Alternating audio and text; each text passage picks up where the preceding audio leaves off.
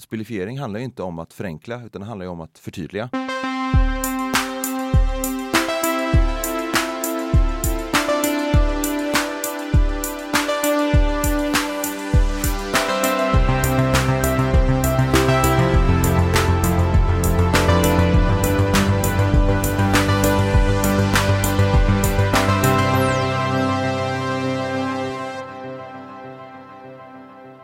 Gamification, eller spelifiering på svenska, blir allt mer utbrett. Och vi kan se både på kickoffer och i apparna vi använder dagligen för sparande, kundklubbar, träning och kommunikation. Just mekanismerna i gamification kan ha stor potential även inom utbildningsvärlden. Där man ju ständigt brottas med att skapa motivation och engagemang hos elever och studenter. Det kan också vara användbart hos företag och organisationer, liksom inom rehabilitering och medicinering. Att få folk att helt enkelt komma ihåg att ta sina mediciner. I dagens avsnitt av Heja Framtiden träffar vi Adam Palmqvist som är eh, en av Sveriges främsta experter inom just gamification och hör vad han har att säga om ämnet. Som vanligt poddar vi från Helio GT30 på TV Turgatan 30 i Stockholm. Helio har allt du behöver inom kontorsplatser och eventlokaler. Kolla in helioworks.se. Vi samarbetar också med Warp Institute och deras Sveriges mest optimistiska Facebookgrupp där vi postar framsteg och spännande framtidsnyheter varje dag. Dessutom kommer det hända andra spännande saker med Warp Institute. Så kolla in warpinstitute.org. Ett tips för dig som gillar Heja Framtiden relaterade idéer är eh, Fri Tanke förlags eh, Pi-symposium 27 oktober. Där Anna Rosling och Steven Pinker kommer att prata om världens utveckling. Missa inte det. Kolla in eh, eventet på Facebook så hittar du det. Och om du gillar Heja Framtiden är det ju läge att kanske visa det lite mer. Du kan dela ditt favoritavsnitt i sociala medier. Du kan länka direkt till hejaframtiden.se. Lämna betyg och recensioner i din poddapp till exempel. Eller stötta på Patreon med några kronor per avsnitt. Patreon.com slash hejaframtiden. Gamification-mässigt så borde jag ju kanske ge något i utbyte då. En medalj eller en virtuell badge kan du få. Eller så får du bara ett eh, stort tack och kärlek från mig.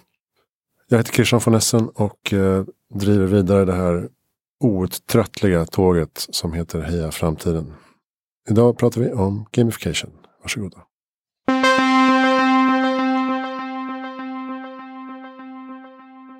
Ja, men vi, eh, vi kör på en gång. Ja, visst. Välkommen till Heja Framtiden, Adam Palmqvist. Tack så hemskt mycket. Du har precis klivit av tåget från Göteborg. Det stämmer. Där du är, om jag säger rätt nu, process och utvecklingsledare på motivationsbyrån Insert Coin. Mm, det stämmer. Motivationsbyrån Gamification-studion. Det är väl i det fältet som vi rör oss i. Just det, och ni hjälper företag, organisationer, skolor Mm. med att Eh. spelifiera sin Mm. verksamhet. Eh, och det, ja, det kan ju vara allting från konsultation, det kan vara allting från eh, lokaldesign men också eh, appar. Eh, det är väl det som vi främst jobbar med, appar och webbsidor. Där vi gör eh, olika plattformar mer interaktionsdesigner eller bättre interaktionsdesignare då, via gamification då eller spelifiering. Ja, just det. Vi pratar om det här begreppet. Att din bok som du har släppt i våras eh, Ja. på studentlitteratur heter Det spelifierade klassrummet. Mm. Eh, Men, och det svenska begreppet används ju då förstås i den här boken. Men eh, eh, du nämnde att gamification kanske har en bredare eh, tolkning egentligen. Mm. Jag tycker ju att begreppet spelifiering är ganska oskönt. Det liksom rimmar inte riktigt väl med vad eh, Alltså om vi tar det svenska ordet spel som då handlar om spel bara. Eh, och utesluter det som game då kan innehålla, det vill säga lek och sport. Så, så det är en, eh, game är ju en bredare definition av, som man, om man säger gamification, så förstår man att det är ett brett begrepp. Men när man pratar om spelifiering då tror många att, speciellt när man pratar i klassrums eller skolsammanhang, att det handlar om att vi ska spela med spel i klassrummet. Och det gör det ju inte. Det. För då är vi inne, inne i ett fält som kallas serious game. Det vill säga att man lär sig genom att spela ett spel. Men det här är ju att man plockar ut eh, spelelement från spelen och använder spelens design i icke-ordinära spelkontext. Just det. Och du har lärt dig för att du är utbildad lärare. Du har jobbat eh, som lärare och med spelutveckling för pedagogiska spel. Mm. Du har också en bakgrund inom eh, museivärlden. Ja just det, just det. Och där där- man använder sig mycket av. Ja precis, fast det kallas mekanik. ju inte spelifiering då utan då pratar man mer om storytelling eller Ja, narrativ, narrativ design då. Men det gör ju spelen hela tiden. Om man tar upp ett spel och spelar idag så har det oftast en eh, historia eller en berättelse då som det vill berätta. Eh, där det finns de här eh, dramaturgiska vändningarna med början, mitten och slut och det finns antagonister och det finns protagonister. Och det kan man ju jag som historielärare i grunden då såg ju det här, och museipedagog också då, det finns ju ganska enkelt sätt att kunna sätta in en början, mitten och slut i en historielektion till exempel eftersom den är oftast berättas kronologiskt. För många kanske det här ter sig som ett nytt begrepp. Men Mm. eh, det, det är ju inte det om man tittar sig omkring vad vi håller på med. I, i, jag menar, gamification finns ju otaliga exempel i, i vardagen. Mm. Ja men det gör det ju, alltså, eh, och det mest, alltså gamification om vi går längre tillbaks. Eh, Det här är ju en podd om framtiden men vi, allting har ju en historia. Så. Eh, och om vi, vi kan bara titta på scouterna där det finns olika, man får olika märken eller badges när man utför vissa handlingar eller klarar vissa prov då, det vill säga att göra upp en eld eller orientera. Finns ju också inom eh, Svenska simförbundet så fick vi ju, alla har ju stått och kokat kaffe där eh, och fått då baddaren. Och det som är så tjusigt med just baddaren som märke är ju att det är väldigt få som misslyckas med att koka kaffe. Så alla får den här första medaljen. Och då händer det någonting i hjärnan. Då känner vi, vi har ju en fallenhet för det här. Och då blir vi motiverade att fortsätta. För gamification handlar ju om att bygga motivation. Det är därför man använder spelifiering då. Precis, men även jag menar, kundklubbar och bonuspoäng och allt sånt där är ju och alla appar vi använder för att eh, träna och mäta. Mm. Ja men visst förut så har väl alltså fram till 2011 så fanns ju inte gamification som begrepp. Men det kom ju upp 2011 med appindustrin. De, liksom, de lever ju i någon form av symbios här. Men då börjar man ju titta på att använda fler spelelement kallas då. Till exempel om ICA då, så finns det andra bra affärer också. Men eh, använder ju poäng för sina kundklubbar. Men om man tar poängen som är kopplade till medaljerna som i sin tur är kopplade till en topplista. Då helt plötsligt så har du en ekologi. Även om den ekologin inte är jättebra, men det är en ekologi och då blir det mer av ett spel och då kom då också begreppet gamification. Just det. Eh, Jag har ju faktiskt då läst den här boken. eh, Tackar. Man kan alltid fråga sig hur många är det som faktiskt har läst Mm. eh, sån här typ av litteratur. Men ehm, jag blir ju väldigt inspirerad faktiskt. Alltså, Åh, jag, det, var, roligt. ja, nej, men jag, Ja. jag känner ju dels att jag vill eh, eh, bli lärare och dels att jag vill bli elev igen. Mm. Kanske för att det inte var så motiverande och engagerande när jag gick i skolan. Nej, och jag tror väl ungefär att vi är ungefär lika gamla du och jag. Så att jag skulle väl säga att jag upplevde samma sak. Eh, att det var väldigt mycket, fick väldigt lite information om varför vi skulle lära oss saker, fick ganska lite information om eh, hur det kunde appliceras utanför klassrumskontexten. Eh, men också väldigt lite att jag och du gick i, i en pedagogik där vi skulle in i samma form allihopa. Och det är ju någonting som spelen ända sedan eh, de digitala spelen kom på 80-talet så fanns det ju chans att välja, vill du spela på easy, normal eller hard? Vilket då finns, fanns liksom en spelstil för alla och det här har ju liksom förfinats med att spelutvecklingen gått framåt. Och det gör ju spelifieringen väldigt mycket också. Att man får börja på den nivån man är så att man inte känner att det är för svårt eller för lätt. Och det är någonting vi återkommer till i den här podden ganska ofta. Alltså att behovet av att eh, lära och lära för livet och lära Mm. om och lära nytt. Men varför har vi tappat den här motivationen och engagemanget? Och varför är det så svårt att eh, hålla kvar det i skolan? Alltså det finns ju, det finns ju många olika, det finns ju inte, jag ska inte jag sitta här och att det finns en lösning på problemet. Dels så tror jag, och om man följer debatten i, eh, som har varit på Sveriges Radio nu och det senaste, är ju att eh, läroplanen har ju skrivits om inför kanske ett, en mer postmodern kunskapssyn. Där man pratar om att analysförmåga och Eh, begreppsförmåga och det liksom läggs ett större krav på eleverna eh, tidigare. Eh, vilket gör att svårighetsgraden också har höjts. Det är en sak som jag tror att det har liksom blivit svårare att få med alla på tåget då. Eh, det har liksom tilltalat kanske, nu ska vi inte gå in på ett klassperspektiv här, men det har tilltalat vissa klasser mer än andra. Så kan man säga. Eh, men sen tror jag också att det finns ju andra saker som påkallar vår motivation, både vuxna och elevers, utanför skolan eller utanför fortbildningskontexten eller universitetskontexten. Eh, vi använder ju till exempel sociala medier idag på ett helt annat sätt och de de pratar om någonting som kallas en uppmärksamhetsekonomi. Det vill säga att vi betalar inga pengar för att använda apparna eller de sociala medierna. Men vi betalar ju med vår uppmärksamhet som gör att de får in reklamintäkter och sådär. Mm. Så de använder ju de här systemen på ett väldigt förfinat och intrikat sätt. Och det gör ju spelen också. Och jag gör ju bara i min analys av hur vi kan liksom öka vår självreflektion och eh, självmotivation är ju att tänka i olika steg, små trösklar istället för enorma hopp och sådär. Liksom dela upp. Om jag ska göra, när jag skriver, jag håller på att skriva en ny bok här nu och då har jag, då får jag skriva i 50 minuter, sen får jag gå och göra någonting annat i 10 minuter. Att jag ger mig små belöningar för att jag ska kunna motivera mig själv att skriva den här boken. Att ha det här tänket. Det är snarare inte någonting som har gått förlorat utan det är utveckling som har gått förbi. Eh, skolan har ju varit relativt outmanad när det kommer till att ha sin pedagogik, svenska skolan.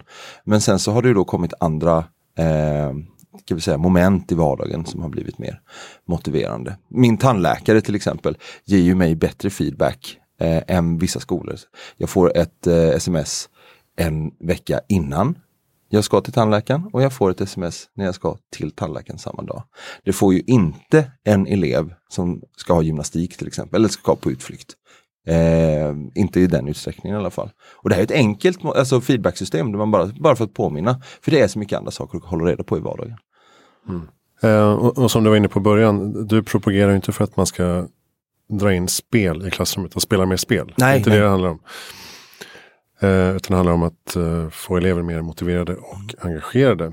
Men Designa hur... spelfullt eller spellikt skulle ja, jag tänka.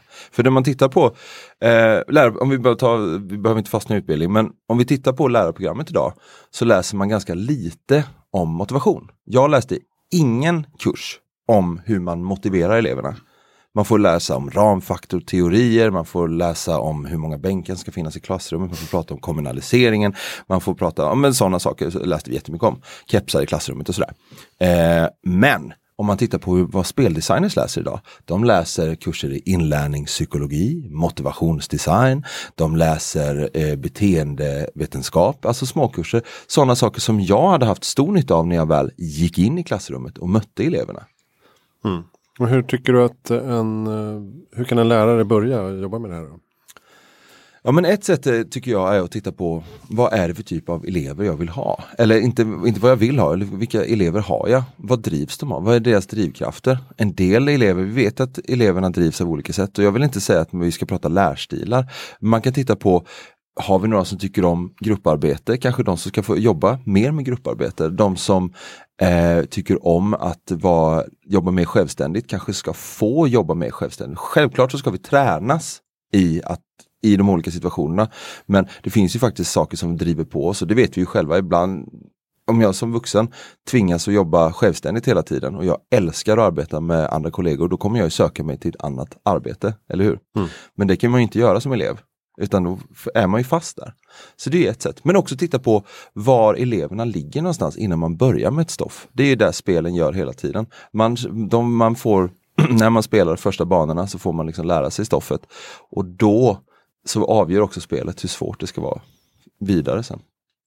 Just det, du pratar du har många olika teorier i den här boken men, men just mm. det här eh, trappan med eh, vad kallar du för första steget? Eh, användarresan kallas ju hela trappan. Mm. Eh, men första är ju identifikationskriteriet. Ja, just det, just det. Där man känner att man får identifiera sig med materialet och förstå varför jag ska göra det här. Och det här blir väldigt likt eh, Simon Sineks Start with Why. Mm. Varför ska jag faktiskt lära mig det här? Det ska inte jag förstå under resan. Det ska vara ganska klart från början. Mm. Att man liksom förstår att, och inte då att du behöver den här kunskapen om 20 år när du ska köpa hus. För den har vi ju hört och den är ju inte så motiverande för en 14-åring så allt. Utan snarare så här att eh, om vi ska jobba med statistik i skolan då så kan, och så har man ett gäng fotbollsintresserade i klassrummet. Då kan ju de få titta på fotbollsstatistik kanske. För då ser de så här, jaha, är det så här man gör? Och då liksom ser liksom relationer med det. Eller om man har andra liksom former att titta på. Streaming. Mm, ja men precis. Mm. Eller om man ska jobba med, med ljud, varför inte låta vissa håll, spela in en podd då till exempel. Så liksom, och liksom sitta och mixa med det. Mm. För det liksom ligger i någonting de kan använda direkt när de lämnar klassrummet. Eh, och det som, en invändning då kan ju vara att ja, men det låter jättefint på, på pappret men mm. hur, hur, hur, ska jag göra med 30 elever då? Och se till allas behov och eh, hitta utmaningar som eh, pushar dem framåt i rätt eh, takt och sådär. Ja, alltså det är väl den stora utmaningen egentligen. Men det, man måste titta på också, det pekar Skolverket väldigt mycket på, att alltså, elevernas motivation är nyckeln till deras, till skolans framgång och till elevernas framgång. Eh, vi vet också att vi har elever som inte klarar skolan idag. Det är ungefär 30 procent som hoppar av gymnasiet. Det är ungefär 18 procent i grundskolan som inte kommer in på gymnasiet. Eh, vi vet också ganska att det finns, som, det kan vara att de tycker att det är för svårt, men de kan också, det kan också vara att de tycker att det är för enkelt. Att mm. de tycker att, ja men jag kan ju det här. För idag så förekommer någonting som kallas ett informellt lärande. Vi, du och jag, lärde oss väldigt mycket i klassrummet och det gör elever fortfarande. Men idag finns det ett utbud som är enormt med internet. Vi kan, vi kan ha elever som sitter och tittar på ja, Animal Planet älskar Animal Planet eller Blue Planet och bara plöjer alla Netflix eh, naturserier, naturdokumentärer. Helt plötsligt så har ju hen en mycket, mycket större kunskap om vissa saker än vad biologiläraren har i vissa ämnen och mm. områden. Och när då den måste börja på samma nivå som när klassen ska börja på den, den blir uttråkad. Och det är här, här finns ju en eh, viktig byggsten att förstå varför hemmasittande ökar i hela västvärlden men också i, i delar i, eh, i Asien. Att, det att eleverna känner att de har ingenting att hämta i skolan för att de, nivån är för enkel. Just det, och, och det där var vi inne på förut i, uh, vi har ett avsnitt om edtech. Um, kommer inte ihåg om det är avsnitt 8 eller något sånt där. Men då uh, nämnde vi Sana Labs som är en svensk uh, startup som jobbar mm. med AI mekanismer för att, uh, ut, för att bygga uh, utmaningar. Ja just det, machine learning liknande. Ja precis. Och, och han nämnde att eh, 70% är en bra svårighetsgrad. Och du var inne på det också i boken mm. med var man hittar flow någonstans. Ja men precis. Gränslandet mellan frustration, att det är för svårt och tristess, att det är för enkelt. Mm. Där finns flow, floden så att säga. Ja men precis, där Mikhail Mihichmihails eh, teorier om om eh, flyt. Då. Men sen får man inte glömma bort att reflektion är viktigt för lärande också. Eh, och då kan man titta på vad heter det eh, Torkel Klingbergs eh, Grit eh, den här nya som har susat upp här de senaste åren. Att man måste få lite motstånd ibland mm. också. Eh, personer som bara genomlever flow genom hela livet, de, när de väl når motgången, då eh, finns det en mycket, mycket större tendens att de stoppar helt. Mm. För de är inte vana att sitta och klura på problemlösning i den utsträckningen. Eller ens vana vid att få ett totalt misslyckande. Nu tycker inte jag att man ska liksom utsätta eleverna för totala misslyckanden hela tiden, men ibland kan det vara bra att lära sig av misstagen. Eh, framförallt för elever på gymnasienivå eller mm. universitetsnivå där man liksom får lära sig och se hur man kan bygga runt. Och, och, och där är du också inne på något viktigt med, med spelmekanismerna. Att, att uh, i en spelifiering så blir inte misslyckandet eh, så totalt. Utan Nej. man kan gå tillbaks, man kan testa nytt, man kan göra om. Man mm. kan träna igen på just den lilla biten som man missade. Man behöver inte, och som du är inne på i boken också, att, man, att den här stackaren som missar, har ett poäng för lite på provet, måste göra om hela provet om två veckor. När man samtidigt ska hänga med all annan utbildning. Mm. Och därmed kanske få en liksom, negativ spiral. Av att ja, men sten på bördan och ja. hela den här. Ja. Du, så du pratar om iteration, alltså att det, det är en utvecklingsprocess istället för att man failar. Så att säga. Ja men precis, och det är ju någonting som, eh, jag jobbar ju väldigt mycket med programmerare i min vardag.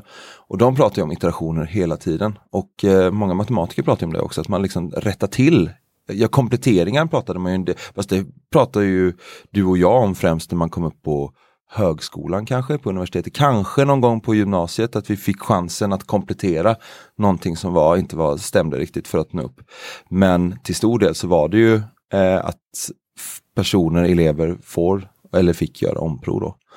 Eh, vilket är, och det, om man tittar på ett, i ett universitetssammanhang där det kan dröja upp till fyra veckor innan man får resultatet. Mm. Och sen så får det, dröjer det ytterligare fyra veckor tills man får omprovstillfället. Det är ju, då är man oftast inne i en, inte ens i den kursen som är efter utan förmodligen i den kursen som är efter den kursen som är efter den kursen som misslyckades. Mm. Eh, vilket också, jag hade en föreläsning för Chalmers här i förra veckan och vi pratade om genomströmning utan att förenkla. För att spelifiering handlar inte om att förenkla utan det handlar om att förtydliga. Och eh, hur de, Chalmers har ju en eh, ganska stor andel och jag tror att många tekniska högskolor har en stor andel generellt av elever som istället för att klara det på tre eller fyra år som det är tänkt så ligger de mellan ja, runt sex år att gå färdigt sin utbildning. Mm. Och det blir ju en, eh, om vi ska titta i det stora hela, en samhällsekonomisk eh, fråga också. Om vi skulle kunna öka på genomströmningen så skulle folk snabbare kunna komma ut i arbetslivet och det skulle kunna vara en bättre genomströmning. Det skulle bli mindre arbete för universitetslektorerna, mindre, arbete, mindre stress för eleverna eller studenterna då och att arbetslivet skulle kunna gagna snabbare. Så det finns ju många fördelar i det här. Och då helt plötsligt måste man nästan börja prata om, man, om det är en elev som gör eh, åter, återkommande omprov, då är det inte jättestort. Men när man ser att det är ungefär 30 då som gör det, då kan man börja prata om en samhällsekonomisk fråga. Man får tänka lite big data här i någon mening. Att titta så liksom, vad finns det för gagn av att göra de här små förändringarna i vårt sätt att tänka kring utbildning men också träning eller vad som helst. Då. Det låter inte som att man har lyckats så bra med provet då om 30 Nej. inte klarar det. Och ofta har man ju lagt det på eleverna. Mm. Att man säger så här, men det är för att de inte fattar. man tror nästan så att, att provet är ett konstverk. Va? Att ja, men de, de förstår inte. Medan då kan man, kan, och det kan man också titta på spelifiering, om man ser att alla elever i snitt misslyckas med fråga 3b. Då kanske den är dåligt formulerad snarare mm. än att det är de som är dåligt pålästa. Mm. Så kan det ju faktiskt vara. Och, och, jag vill bara säga det att det här gäller ju gamification, eller det som är, och använda det som ett mindset, är ju väldigt spännande som för alla ledare och chefer att tänka också. Att är det min kommunikation till de anställda som är otydlig? Kan jag förbättra min kommunikation? Ge mindre istället för att skriva två av fyra kvällen innan någonting och be personerna utföra det dagen efter. Men att istället kanske ett par veckor innan ge små stegvis instruktioner för vart man ska någonstans. Mm. Så ett ledarskapsperspektiv kan ju definitivt gagnas av ett spelifieringsperspektiv. Just det. Och hur ser du på liksom, prov och tentamen generellt? Eh, sådana här som växer till eh, enorma pucklar då på, i terminens slut ofta? Jag är ju en stor förespråkare för formativ bedömning, alltså små stickprov som leder upp till mm. någonting större och snarare, och ibland när jag jobbade med eh, elever, eh, inte alltid men en hel del, så lät jag eleverna, de fick tre dagar på sig att skriva, eh, göra arbetsuppgifter istället, case studies eller liknande. Så de fick göra, så fick de flera, så fick de jobba med det i klassrummet. Och sen så fick de ta hem och jobba och kanske rent av fråga föräldrar och sådär. För det var ju så pass, det var inte sådana här när hände det här? Utan det var liksom saker som de var tvungna att liksom arbeta med. Och då kunde de fråga mig och sådär. Och då kunna liksom göra bättre uppgifter snarare än att det liksom var ett stort slutprov i slutet på mm. eh, ett eh, kunskapssegment. Eller Men hur stor frihet har eh, lärare generellt att uh, utforma sådana här saker? Ja men det, jag tror att, alltså, och det här är jag, står jag fast vid, eh, när jag jobbade, det beror helt på vilken skola du jobbar på. Mm. Eh, för kultur äter strategi till frukost vilken dag som helst. Va? Eh, om en nyexaminerad lärare kommer med ganska spännande och bra idéer som hen har tagit med sig från universitetet eller någon annanstans ifrån och vill testa det, så, och kommer till en skola, för jag vet att jag gick på en skola, jag ska inte säga vilken, och mötte ganska mycket kritik för den här formen av tentamen eller den här formen av kunskapstest. På grund av att det och de hade liksom, för jag pratade med, jag lyfte fram lärteorier, jag lyfte fram formativ bedömning, jag lyfte fram eh, alltså kunskapsteoretiska tänkare som Vygotsky och eh, John Dewey och sådär. Men den andra, de andra lärarna sa, Ja, men så här har vi ju faktiskt alltid gjort. Mm. Och sånt är tråkigt. Eller som man också har hört eh, mycket när man kommer ut. Ja men det där har jag testat för många år sedan, det där funkar inte. Och då blir det ju så. Men jag ska inte säga så här är inte alla lärare. Det finns jättemånga drivna lärare som verkligen tror på eleverna och vill testa nya saker. Men Sen finns det kanske några som kanske har lite högre status i gruppen, någonting som kan dra ner det. Men sen finns det skolor som är superprogressiva och tänker väldigt öppet och fritt och kan tänka om. Och sådär. Mm. Så att, men jag är ju emot att lä- eller jag är för att läraren ska ändå vara till, hjälpa eleverna så mycket som möjligt. Jag är väldigt emot att eleverna ska utforska och klara allting själva. Jag vill ju att läraren ska, det här ska finna, funka i en symbios. Va? Eh, att man kan ta hjälp av läraren och inte vara rädd för att fråga om hjälp. För det kände jag ibland när jag gick i skolan. Att frågar jag så kommer jag framstå som lite dum. Mhm. Så, och det känns ju jättetråkigt att det finns sån kultur. För frågar man ingenting får man ingenting veta och allt det där. Liksom. Det är en del spelelement som man kan eh, som man kan plocka upp. Alltså man kan ju använda någonting här och där. Mm. Eh, som med medaljer som du var inne på. Mm. eh, Som belöningar. Eh, kunskapsträd för att förstå kontexten och Mm. Sammanhang om inte annat. sammanhang. Eh, bygga på ett narrativ som gör att det blir en tydligare berättelse. Eh, vad man, vart man ska. Eh, slutstrider, vad, vad menar du där? Slutstrider eh, är när man ska göra det här, eh, och det tar jag då från engelskans eh, spelmekaniken bossfight då. Att man gör små avstämningar och det skulle kunna vara som prov men det skulle också kunna vara arbetsuppgifter eller liksom att nu, ska, nu har jag samlat på mig så pass mycket kunskap så nu måste jag liksom förmedla det på något sätt. Mm. Möta bossen. Och möta bossen. Liksom. Eh, påskägg då? Ja men påskägg är, eh, det är att man gömmer någonting i, eh, som, eh, och det är både som ledare men också som, eh, som lärare då, att man gömmer någonting i materialet. Som de som tycker om att utforska material. Det finns ju en spelartyp som kallas utforskare och den finns ju också bland elever att de tycker om att klura och pussla och lite sådär. Man gömmer små, små grejer i materialet. Vi kan ju se ett påskägg i Indiana Jones-filmerna till exempel. Är ju att eh, i eh, Indiana Jones och de fördömda tempel så, eh, så heter baren de är på i början Obi-Wan. Mm. Vilket är en blinkning till att George Lucas också har eh, varit med och gjort eh, Star Wars-filmerna. Eller det är han som är upphovsman till eh, Star Wars-filmerna. Han är ju också eh, delskribent i Det fördömdas tempel. En sån blinkning mot en annan, en annan kontext. Så, nej men det finns många sätt att göra det där på. Eh, jag gjorde ju, gömde ju små påskägg i en text eh, om franska revolutionen för en grupp elever och bytte ut Marie Antoinette mot Beyoncé.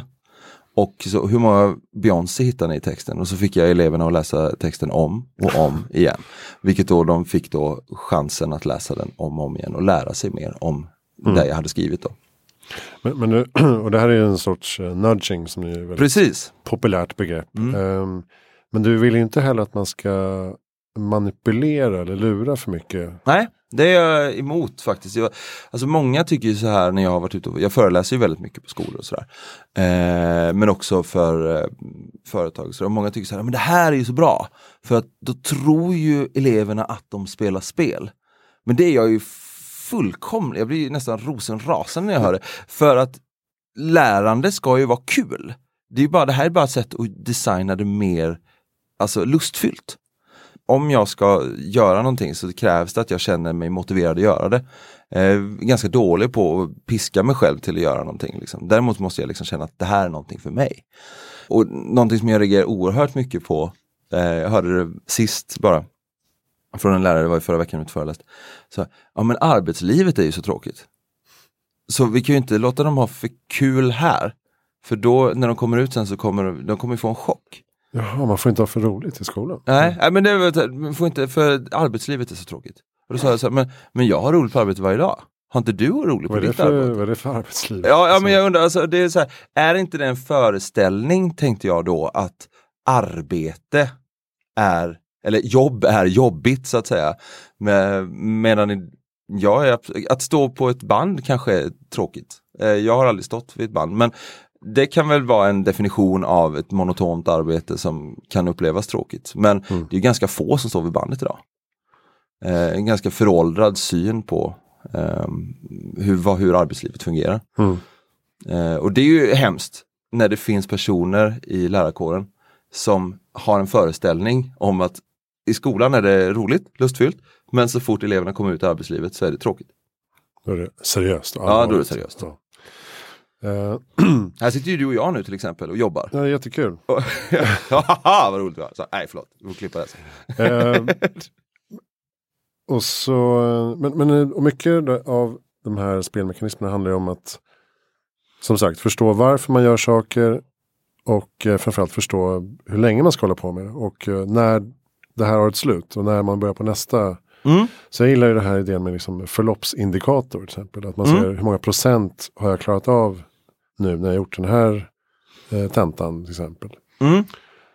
Kan man, kan, man ha, kan man skapa en sån individuellt på ett enkelt sätt? Ja, jätteenkelt med kalkylark. Du behöver ju bara ha lite, lite kunskaper i hur man jobbar med ett eh, kalkylark. Så kan du ju skapa det här jätteenkelt. Ja, okej. Eh, det gör du ju, alltså jag ska inte gå in på hur man gör, men det är ganska tråkigt, det blir en tråkig podd liksom.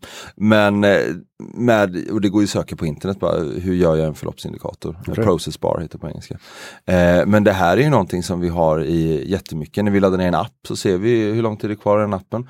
På mitt förra jobb, eh, länge när jag jobbade inom skolan så fick vi ut medarbetarenkäter. Mm. Och så tänkte man så här, innan jag hämtar upp förskolan så gör jag min medarbetarenkät och sen så klickar jag och klickar och klickar. Och jag vet aldrig när det slutar. Så jag kan säga att de sista sidorna, och det är inte bara för mig utan för många av mina kollegor, de klickade man bara för att man skulle bli färdig, för man kunde inte spara dem heller såklart. Men den senaste jag gjorde på, eh, på den senaste skolan jag jobbade på så hade det en förloppsindikator. Så jag visste exakt hur mycket jag hade kvar. Och då kunde jag också bedöma hur lång tid det var kvar och hur mycket tid det skulle krävas av mig att fortsätta. Vilket också blir, vi blir motiverade när vi vet det, när vi vet att det finns ett avslut på någonting. Ingenting är så monotont och motivationssänkande som när vi, vi ser ingen end på arbetet. Eh, För att komma tillbaks till det här löpande bandsystemet eller någonting. Det, det kommer hela tiden. Det finns ingen det fin, vi, vet, vi vet att det här kommer hålla på tills, tills jag går i pension. Det är någonting som är ganska omotiverande. Mm. Och när man inte har, man ser inget resultatmål, man ser hur mycket har vi gjort idag, hur många bildörrar har jag gjort, liksom, om det skulle vara ett löpande bandsystem. En av dem, jag blir väldigt tra, alltså jag kan bli, jag kan få ont i magen när jag tänker på de här stora skyskraporna i Dubai. När det tar ett, eh, jag tror att det tar två månader att göra och liksom putsa fönstren. Så, och sen så börjar man om. När det är gjort sen. Jaha, Du liksom fortsätter, det slutar aldrig, det är ett evighetsarbete. Ja, ja precis, jag känner, ja, du känner det själv kanske, det här, är- oj, det här tar emot liksom. En, eh, en sista bara eh, grej som du tog upp som jag tycker är så smart är ju det här no hands up Mm. eh, filosofin. Som man kan använda appar till till exempel. Berätta, vad är det för något? Ja men No Hands Up bygger ju på att eh, det, det här är ju ett, eh, utifrån den formativa bedömningen, men det är ju från kommunikationsvetenskapen egentligen.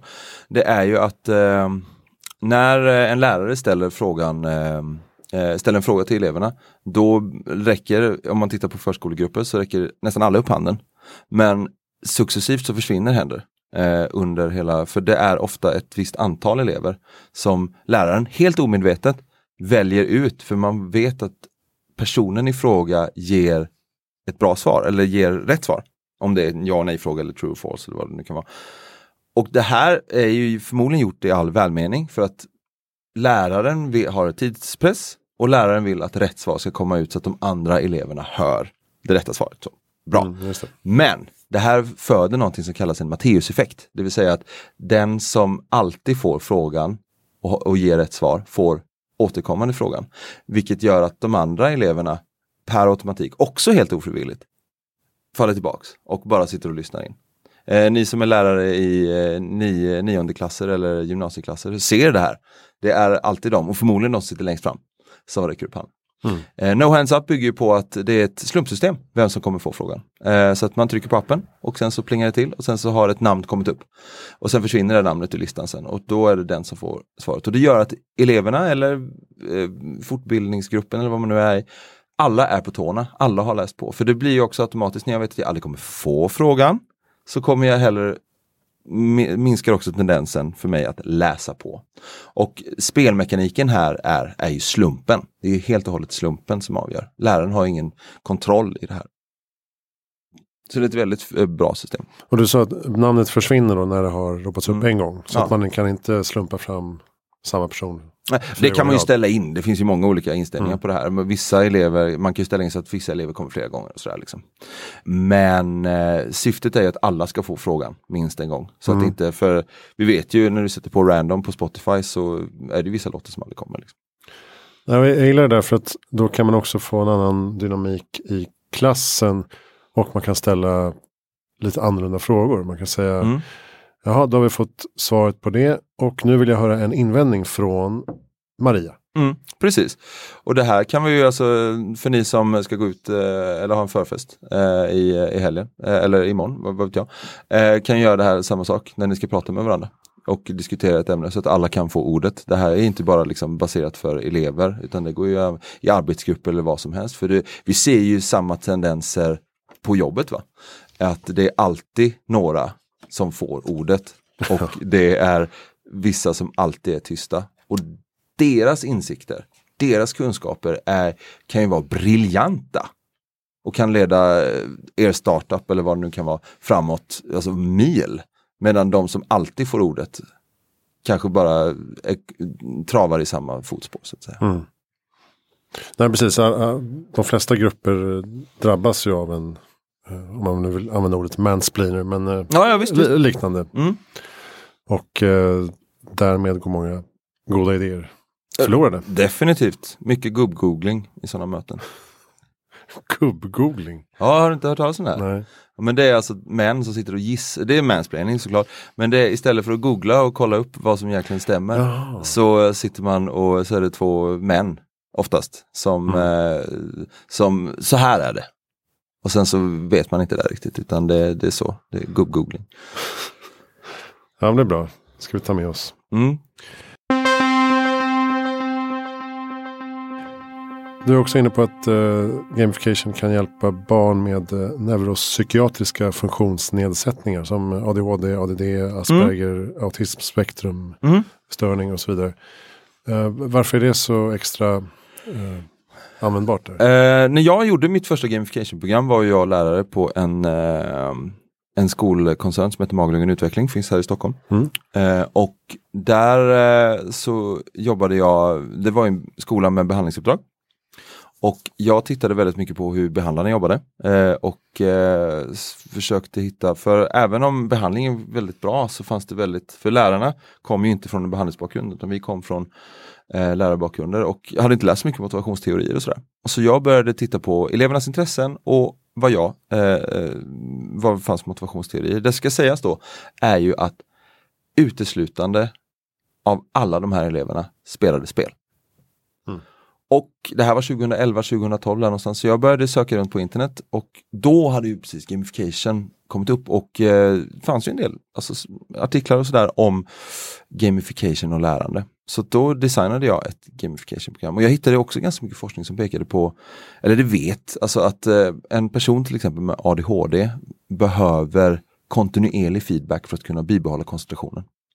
Och istället för att ge mycket feedback på slutet, i slutet av en lektion till exempel, mm ge, alltså försöka ge feedback så ofta som möjligt. Och det här rimmar ju väldigt bra med gamification. För det handlar ju om att ges liten, kontinuerlig och framåtsyftande feedback hela tiden. Positiv ska den vara också. Eh, så då designade jag mitt första gamification-program utifrån det och tittade på väldigt mycket forskning om just eh, ADHD, mycket forskning som kom från eh, Holland främst. Eh, en del från England också. Det finns inte så mycket i Sverige på det just nu. Jag vet att Skövde högskola tittar lite på hur det kan jobbas med hemmasittare, men det, det fanns inte då. Eh, men, och sen gjorde det här. Och det här var ju liksom startskottet för hela min gamification-karriär kan man säga. Mm. Eh, för så fick jag föreläsa om det här på Almedalen, det var en stor framgång. Eh, många hörde av sig till oss och trodde, många förra skolor som eleverna som jag tagit, det var ju elever som hade ett omfattande behov av särskilt stöd. Eh, så det var en skola, du var tvungen, att socialtjänsten var tvungen att göra placeringen för att du skulle kunna få plats på skolan. Så det var elever som eh, hade varit med om tuffa bakgrunder men också hade neuropsykiatriska funktionsvariationer i hög utsträckning. Eh, men, så hemskolorna hörde av sig till oss och frågade om vi hade fuskat med betygen. För att helt plötsligt mm. började de här få väldigt mycket betyg. de, de flesta kom till oss med inga betyg. Men efter något år så, så började de få betyg i samtliga ämnen. Och det här var ju väldigt häftigt. Och då i samband så närmade sig studentlitteratur mig om jag vill skriva en bok och sådär. Så att eh, sen dess har det liksom bara rullat på. Okej. Okay. Och, och nyckeln där var alltså små korta um, loopar så att säga? Till exempel för eleverna med ADHD men för eleverna med autism så var det kunskapsträden hjälpte jättemycket. Där mm. de kunde se vad, vad är jag nu, vad ska jag göra härnäst, vad har jag gjort tidigare, att få liksom ett sammanhang. För samtliga personer som har problem med de exekutiva funktionerna, eh, det är ju alla som har eh, neuropsykiatriska funktionsvariationer har någon form av problematik med de exekutiva funktionerna och det finns jättemånga olika exekutiva funktioner. Men då är ju tydlighet, eh, och, tydlig återkoppling och ett tydligt sammanhang väldigt viktigt. Och det här gör ju spel. Och det vill ju attention till exempel koppla samman till att det är sån hög frekvens på de som spelar spel idag. Man ser ju att de som har neuropsykiatriska funktionsvariationer spelar ungefär 20% mer tv-spel än de som inte har mm. det i samma ålderskategori. Men där vill jag attention koppla till då att den här feedback-loopen finns. Eh, det finns en tydlighet i spelen. Och allt det här liksom finns, alltså man följs med i, man dras med i spelen. Byggd, för de är ju byggda utifrån eh, psykologiska teorier om motivation, spelen. För idag kostar ju ett spel ungefär 500 miljoner dollar att utveckla. Och skulle det floppa, då går ju företag i konkurs och det går ju liksom inte och investerare blir sura och sådär. Eh, så därför så har ju de stor hjälp av alla de här motivationsteorierna. Sådär. Och har, eh, jag tror att Blizzard till exempel har en stab på ungefär 15 psykologer och 10 beteendevetare som sitter och hjälper dem att bygga sina spel mm. rätt. Liksom. Vi, vi, ska snart lämna skolan mm. just, men, men eh, jag tänkte Innan vi gör det så uh, kanske man ska säga någonting om VR och AR. Virtual reality, augmented reality. Var, var vi liksom befinner oss där. Vad kan man förvänta sig och uh, hur kan man implementera det med de här spelfieringsmekanismerna? Mm. Jag skulle säga att spelifiering går ju, alltså det här är ju ett tänk snarare än en digital produkt. Så att man kan göra spelifieringar, alla mina spelifieringar från början var ju helt och hållet analoga. Eh, ja, det är en bra poäng faktiskt. Men det blir ju eh, med den här, alltså Internet of Things, där det finns en, eh, och den här Quantify Self rörelsen som växer eh, något enormt nu. Eh, det vill säga Quantify Self betyder att man liksom håller koll på hur mycket glas vatten man dricker eller vad, man har liksom en målsättning. Det gör ju det här rimmar ju väldigt bra med spelifiering och nudging och sådär som AR och VR som kommer stort nu så kan man ju definitivt prata om att spelifiering har ett en, en viktig roll att spela där. Eh, jag får inte nämna några företagsnamn här men vi jobbar med ett företag nu där... Eh, för mig får du nämna. Ja men inte för, inte för de avtalen jag skrivit på. Så. Ja, eh, som tittar på till exempel AR-lösningar. Man använder ett par glasögon där man ser hur en, man ser ritningen i, i, eh, i glasögonen så man ser exakt vad man ska sätta in de här ehm, delarna i, vi kan säga ingenjörer så kan vi säga, som ska jobba med någonting. Ja, industriella processer. Ja, industriella processer. Mm. som ska sätta in olika delar i olika maskinerier rätt och då har den här schemat, då man ser exakt när man tar upp, eh, nu kan inte jag namn på sådana här saker, men man tar upp eh, en packning då till exempel och ska sätta in den så ser man direkt, då får man en indikation vart den ska sitta i den mm. här mm. Processen. Och men då också när man sätter in den så får man en well done eller feedback och sen så ser du, nu har du förloppsindikatorn går upp och nu har du tre delar kvar att sätta in innan du är färdig med den här processen. Och sen så, du har, så kan man se, du har fyra sådana här kvar innan det inte finns några fler till exempel. Så att man liksom vet exakt ja, man är. Men tänk att ha det på slöjdlektionen eller tekniklektionen. Ja men definitivt. Eh, men också att man kan titta på, det finns ju väldigt mycket som Eh, pekar på när man liksom i VR, och det här pratar vi ju på forskarnivåer egentligen, man sitter med VR och ska bygga sådana här eh, eh proteinsträngar. Eh, det är ju som pussel, det är som 3D-pussel. Och det har ju till exempel eh, finns ju forskningsdata på Foldit, finns en stor gamification-produkt som eh, det var ett, eh, en grupp cancerforskare som hade jobbat med två proteinsträngar i flera, flera år. Eh, men släppte dem fria och gjorde det som 3D-pussel. Och eh, de här två proteinsträngarna var färdiga inom två veckor på grund av Mhm. att det fanns en gamification-tänk bakom då. Att det var flera, hela internet gick in och byggde de här proteinsträngarna då. Och kunde hjälpa till forskningen genom att, för att det var ett spelmoment i det här då, liksom att man fick feedback och poäng och kunde sätta ihop de här olika strängarna. AI-datorer är till exempel ganska dåliga på 3D-pussel, men den mänskliga hjärnan är eh, väldigt duktig på eh, kluringar och eh, sätta ihop sådana här olika 3D-modeller och sådär. Så det är ju någonting som VR verkligen kan göra och man kan kollaborativt göra att vi skulle sitta här med varsin eh, AR-hubb eller en VR-hubb och liksom bygga mm, i skolsyfte då, bygga mm, Paris, eh, vad heter det, Eiffeltornet eller sådär. Liksom. Och kunna gå in i det och sådär. Så att visst, det finns ju alltså, oändliga möjligheter. Men jag säger att tekniken behöver förfinas lite till innan vi liksom släpper den. Kostnaderna behöver sjunka. Det tror jag också. Eh, men vi gjorde ju till exempel, det finns jättemycket sån här. Eh, en, eh, vi gjorde, jobbade med ett företag eh, som, heter, som heter Manometer. Där vi gjorde en köttbullesimulator. I VR. Som då, eh, då äter man köttbullar i, eh, i VR. För att de ville att man skulle lära sig äta i rätt takt. Mandometer är ett företag som jobbar med övervikt och undervikt, sjuklig övervikt och sjuklig undervikt. Då. Men att man skulle få in rätt takt. Och, och då gjorde vi gamification-delen där och byggde VR-simulatorn.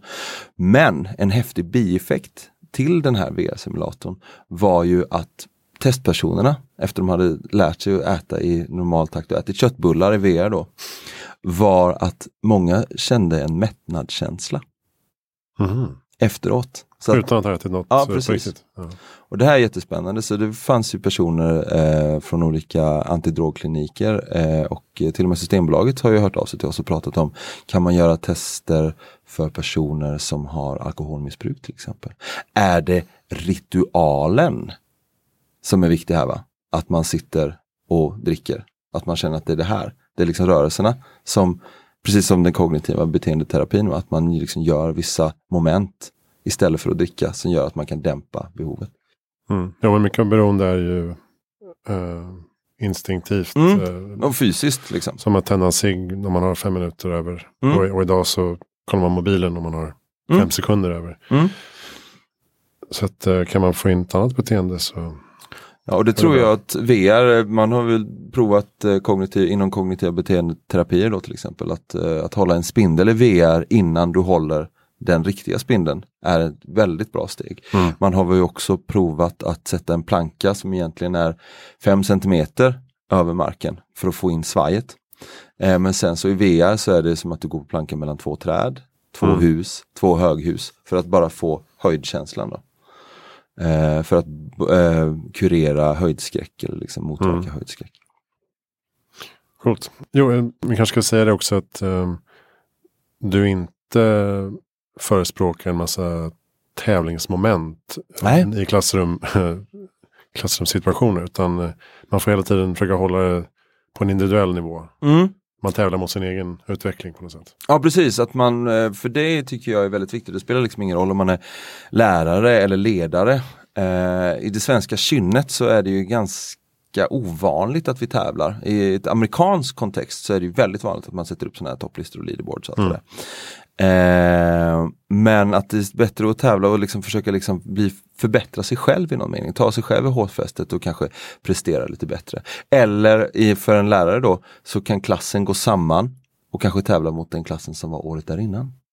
Mm. Att det, liksom, det är bara ett, en siffra som man tävlar mot och se om man kan bräcka den. För det är ju någonting som gör att vad heter det, det bygger motivation samtidigt som det liksom minskar stress i någon mening.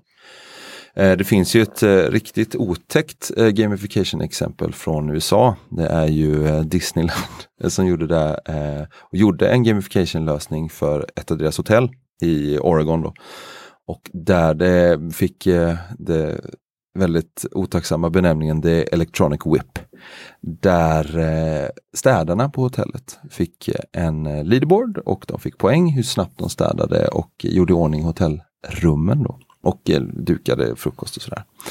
Och det här var i all välmening säkerligen. Eh, hoppas jag i alla fall. Men det här, det ballade ju totalt. Det, att eh, folk slu- och i Amerika, den, här, den som Eh, man fick en löneförhöjning då, eller man fick en bonus i slutet av månaden när om man klar, låg högst på topplistan. Då.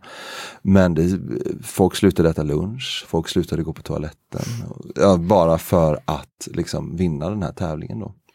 Kanske inte städades så jävla bra heller. Nej, att det liksom blev väldigt eh, hastigt och sådär. Liksom. Så att det, det finns ju liksom baksidor med det, för det här är ju mänskliga beteenden, alltså evolutionära beteenden vi, vi pratar om, som eh, vi kopplar in på. Och det finns ju en eh, ska säga, etisk diskussion som kanske bör, som kommer definitivt föras om ett par år. Man börjar prata om etisk speldesign.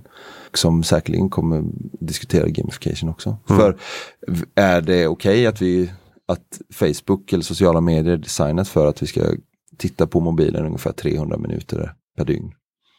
Ja, precis. Det finns en, eh, det finns en etisk aspekt i det Mm. någonstans. Som, som man har glömt. Mm.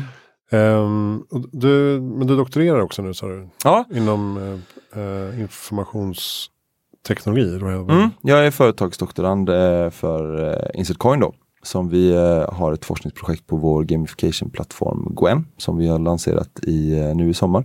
Och eh, vi vill ju att gamification ska vara hållbart och evidensbaserat. Det är väldigt många mm, som säger att de kan gamification och så kastar de på lite, lite poängsystem och sådär. Sen så säger de att det är gamification. Medan vi vill ju titta på, de fördjupa oss i gamification och liksom jobba med det här på ett eh, på, på flera plan än bara liksom en, ja, more bang for the buck eller cash in. Så. Mm. Och vi vill liksom eh, titta på hur det kan förändra, hjälpa till med eh, att folk kör mer eh, eco-driving eller eh, vad heter släcker sina lysen eh, så att man sparar energi eller sådana, panta mera eller sådär. Och titta på hur det kan fungera där. Så det är det jag gör. Eh, utöver att jag är ute och föreläser väldigt mycket. Då. Just det. Men du är också inne på um, rehabmöjligheterna. Mm. Eh, jag hade en diskussion eh, bara igår med ett par eh, forskare på Berkeley. Som de har tittat väldigt mycket på någonting som kallas eh, telerehabilitation. Och det fungerar ju på så sätt att eh, när man rehabiliterar idag så är det väldigt få personer som speciellt ute på landsbygden som har, har möjlighet att kunna ta sig till en läkare och få den här rehabiliteringen öga mot öga. Eh, och då får man ett papper efter en olycka eller liknande och det här, de här övningarna ska du göra så ses vi om två månader. Och det är ju, i vissa skolor fungerar det så också. Nu ska ni göra det här, och sen säger jag på kafferummet om ni behöver hjälp, hej då. Så. Eh, inte alla skolor, men en del. Och det visar ju sig att det här har ganska låg eh, impact rate som de pratade om då. Den sitter på kylskåpet. Ja, den sitter på kylskåpet och sen så eh, ramlar den ner efter ett tag och är borta. Ja. Men däremot om man får i en app eller liknande eh, Eh, får feedback och eh, man ser vilka övningar du ska göra idag och vad du ska förväntas göra imorgon. Och om du hoppar över och göra någon idag, hur många du förväntas göra dagen efter. Och sådär. Eh, och det är ju väldigt spännande för eh, där uppe när vi pratade, de var satt i, eh, på Berkeley, men de hade tittat på ett område utanför eh, en bit utanför Seattle som är ganska likt eh, den eh, svenska kontexten. Det vill säga att vi har ju väldigt många, en glesbygd i Sverige, en ökande glesbygd. Där eh, möjlighet att träffa läkare är eh, ganska svår faktiskt. Och det skulle vara jättespännande att göra ett eh, samarbetsprojekt där som vi pratar om hur man skulle kunna hjälpa till den, med den svenska rehabiliteringen. Eh, speciellt om man har haft hjärtinfarkt eller liknande. De var, de var eh, nu vet jag inte exakt benämningen, men eh, hjärtläkare då, eller de jobbade med främst eh, hjärtattacker eller sådär. Samarbetar man då med eh, de virtuella läkarna?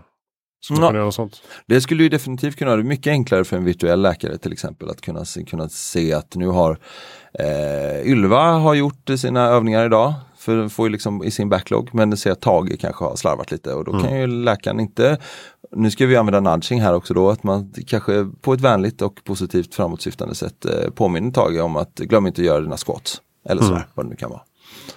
Så att Tage blir påmind och liksom gör det här för att det är ju för Tages eget bästa och eh, i det långa loppet så eftersom vi har en fri sjukvård i Sverige så gagnar det ju också det, eh, alltså samhällsekonomin också. Att när Tage behöver inte komma in på eh, intensivsjukvård inom ett år igen då för att Tage kanske har fuskat lite eller glömt bort rent av eh, sina eh, övningar han ska göra för att eller gå ut och gå 30 minuter varje dag eller vad det nu kan vara. Som läkaren har ordinerat. Även att eh, ta sina mediciner? Ja, eh, och det här blir lite reklam för mig då, men jag har ju en eh, föreläsning om det här på eh, Park Annual i Göteborg i, eh, precis runt bokmässan där. Pratar just om hur gamification kan hjälpa personer att ta sina mediciner. Vi vet ju att det kostar ungefär 850 miljarder eh, kronor om eh, året på grund av att människor över hela världen glömmer ta sina mediciner. Liksom. Att det är en oerhörd kostnad. Och det här är ju någonting som man via de här stegvisa pushnotiserna eller motivationsdesignen då kan påminna människor att göra det. Så jag, jag keynotar faktiskt den, eh, den eh, delen om eh, hur gamification och AI kan, och machine learning för den delen kan hjälpa patienter att få en bättre rehabilitering och ta sina mediciner på vid rätt tidpunkt. Och sådär. Mm. Hur tycker du att man som ledare kan få in det här tankesättet i organisationer och företag? Då? alltså en av de viktigaste aspekterna av att få in gamification i en arbetsgrupp är ju att tänka att såga ner många trösklar och inte förvänta sig att de här medarbetarna gör de enorma hoppen. Om du kommer in ny som ledare i en arbetsgrupp och liksom försöka segmentera vilka eh, av dina arbetstagare behöver mycket stöd. Vilka behöver mindre stöd? Vilka är mer självständiga? Vilka vill arbeta i grupp? Och försöka känna på gruppen. Eh, när man jobbar med gamification ansikte mot ansikte så tycker jag att det är väldigt viktigt att man får en relation till de man jobbar med. Mm. Eh, och då blir det faktiskt bäst. Eh, en annan, vi pratade om, var inne på det förut, att ge information i små sjok istället. Och att se till att det eh, finns där hela tiden. Att det inte ligger och ruttnar i en eh, mailkorg.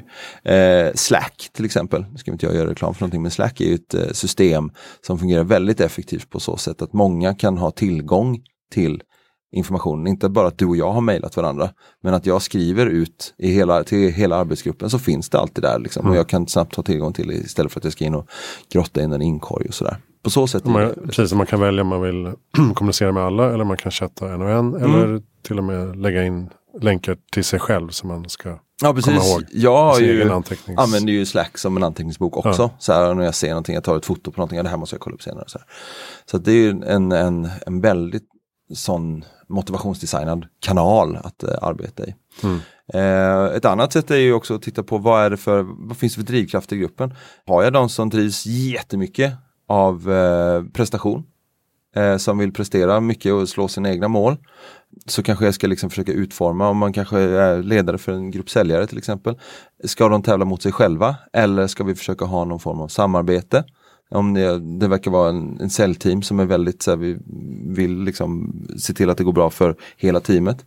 Eller sådär. Det är också någonting man får liksom titta på. Om, eh, för att bygga motivation, för det är där det handlar om, bygga engagemang mm. och motivation. Och tänk om man skulle kunna effektivisera möteskulturen också. Mm. Om man visste vad som är vad exakt ska gås igenom, början, slut, tidsindikator. Precis, och det är ju någonting som det är fler och fler ledare när jag har de här ledarskapsutbildningarna har ju blivit bättre. Men det är att man skickar ut alltså ett protokoll innan.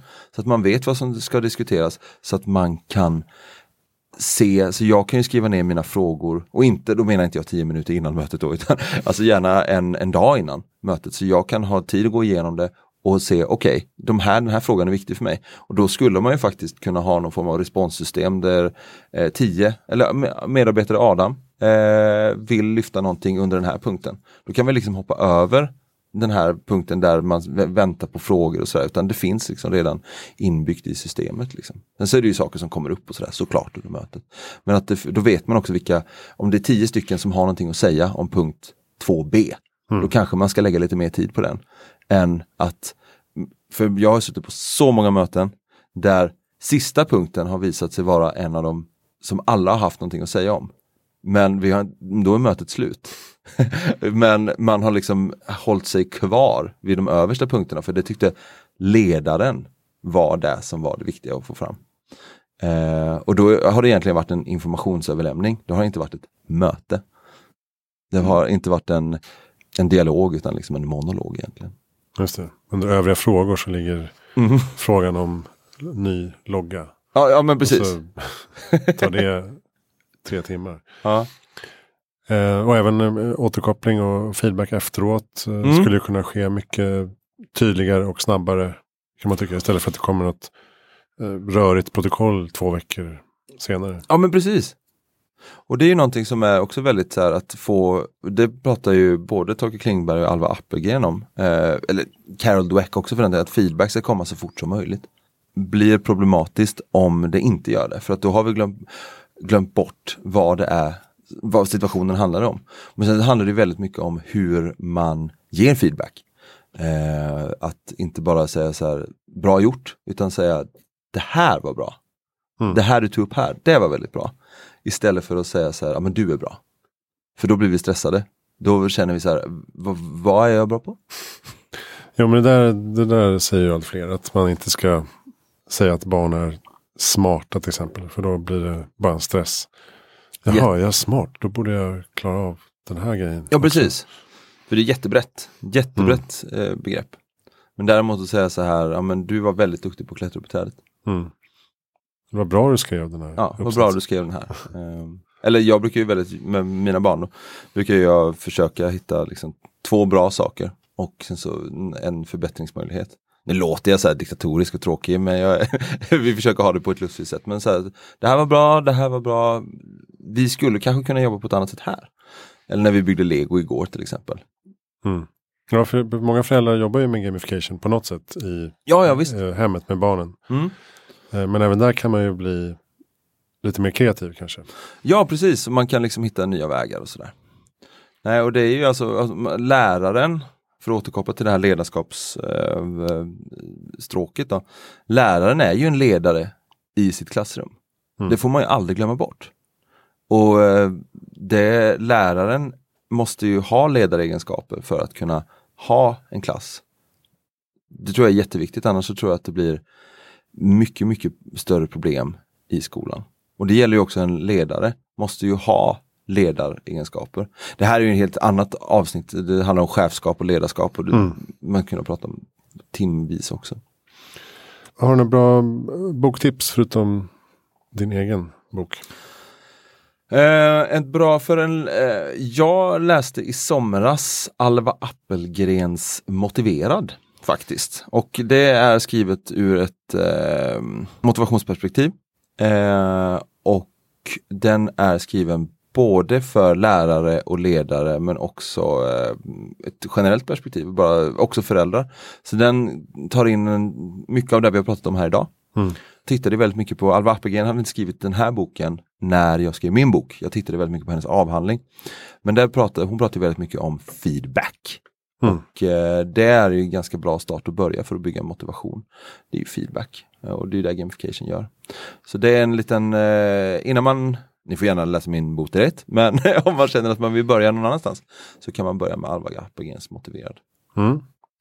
Ja, jag ska även säga att eh, vi har ett avsnitt 14 med Leif Denti där vi pratar om innovation och kreativitet i organisationer. Och sen då som sagt, eh, nej, nummer sex var det med Janne Jeppesen som är eh, ordförande i Swedish EdTech Industry. Just. Ehm, de kan man också kolla in som kompletteringar till det här avsnittet. Eh, vem tycker du att jag ska intervjua i Heja Framtiden framöver?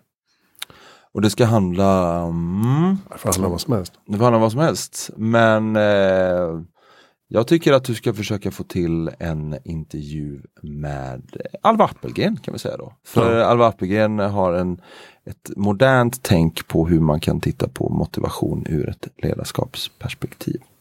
Eh, skulle också kunna föreslå Torkel Klingberg, eh, men han är lite svårare att lägga rabarber på tror jag. Okej. Eh, men framförallt eh, kognitionsvetaren Peter Gärdenfors som har skrivit Lusten att förstå. Som är väldigt mycket inne på hur man kan tänka för att liksom bygga förståelse hos alla människor egentligen.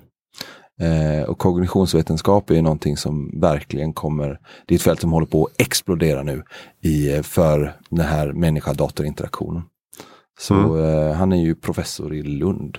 Okej, han är flitigt eh, refererad i Ja, din bok. Det är han. Eh, och eh, han är, jag intervjuade honom innan boken och sådär, hade ju väldigt eh, förståndiga eh, teorier om, om spel utan att vara speltillverkare. Men han har tittat väldigt mycket på spel, hur de hade byggt upp det och sådär.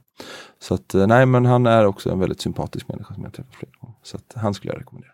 Bra. Tack snälla Adam Palmqvist för att du kom hit. Tack så hemskt mycket att du fick komma. som sagt, kolla in det spelifierade klassrummet på studentlitteratur och kolla in insertcoin.se om man vill ha mer eh, input kring gamification och framtiden där. All info du behöver om den här podden finns på hejaframtiden.se. Jag heter Christian von Essen och eh, vi hörs nästa gång med något helt annat. Tack för att du lyssnade.